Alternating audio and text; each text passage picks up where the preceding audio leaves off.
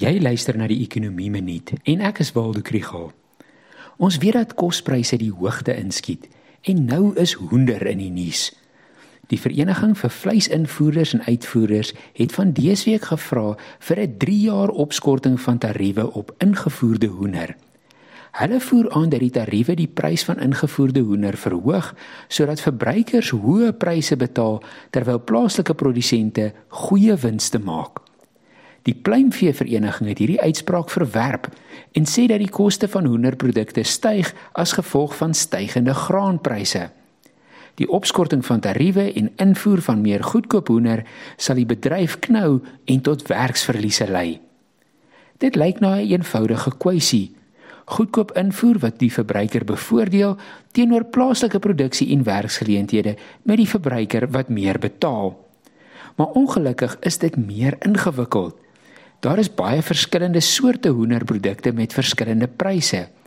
En dan is daar gewone invoerbelasting en ook teenstortingstariewe ter sprake. Vrye markiers voer aan dat die tariewe die plaaslike bedryf toelaat om ondoeltreffend te wees en steeds wins te maak. Die toets vir die bedryf se mededingendheid is of hulle in staat is om uit te voer en hulle kan nie.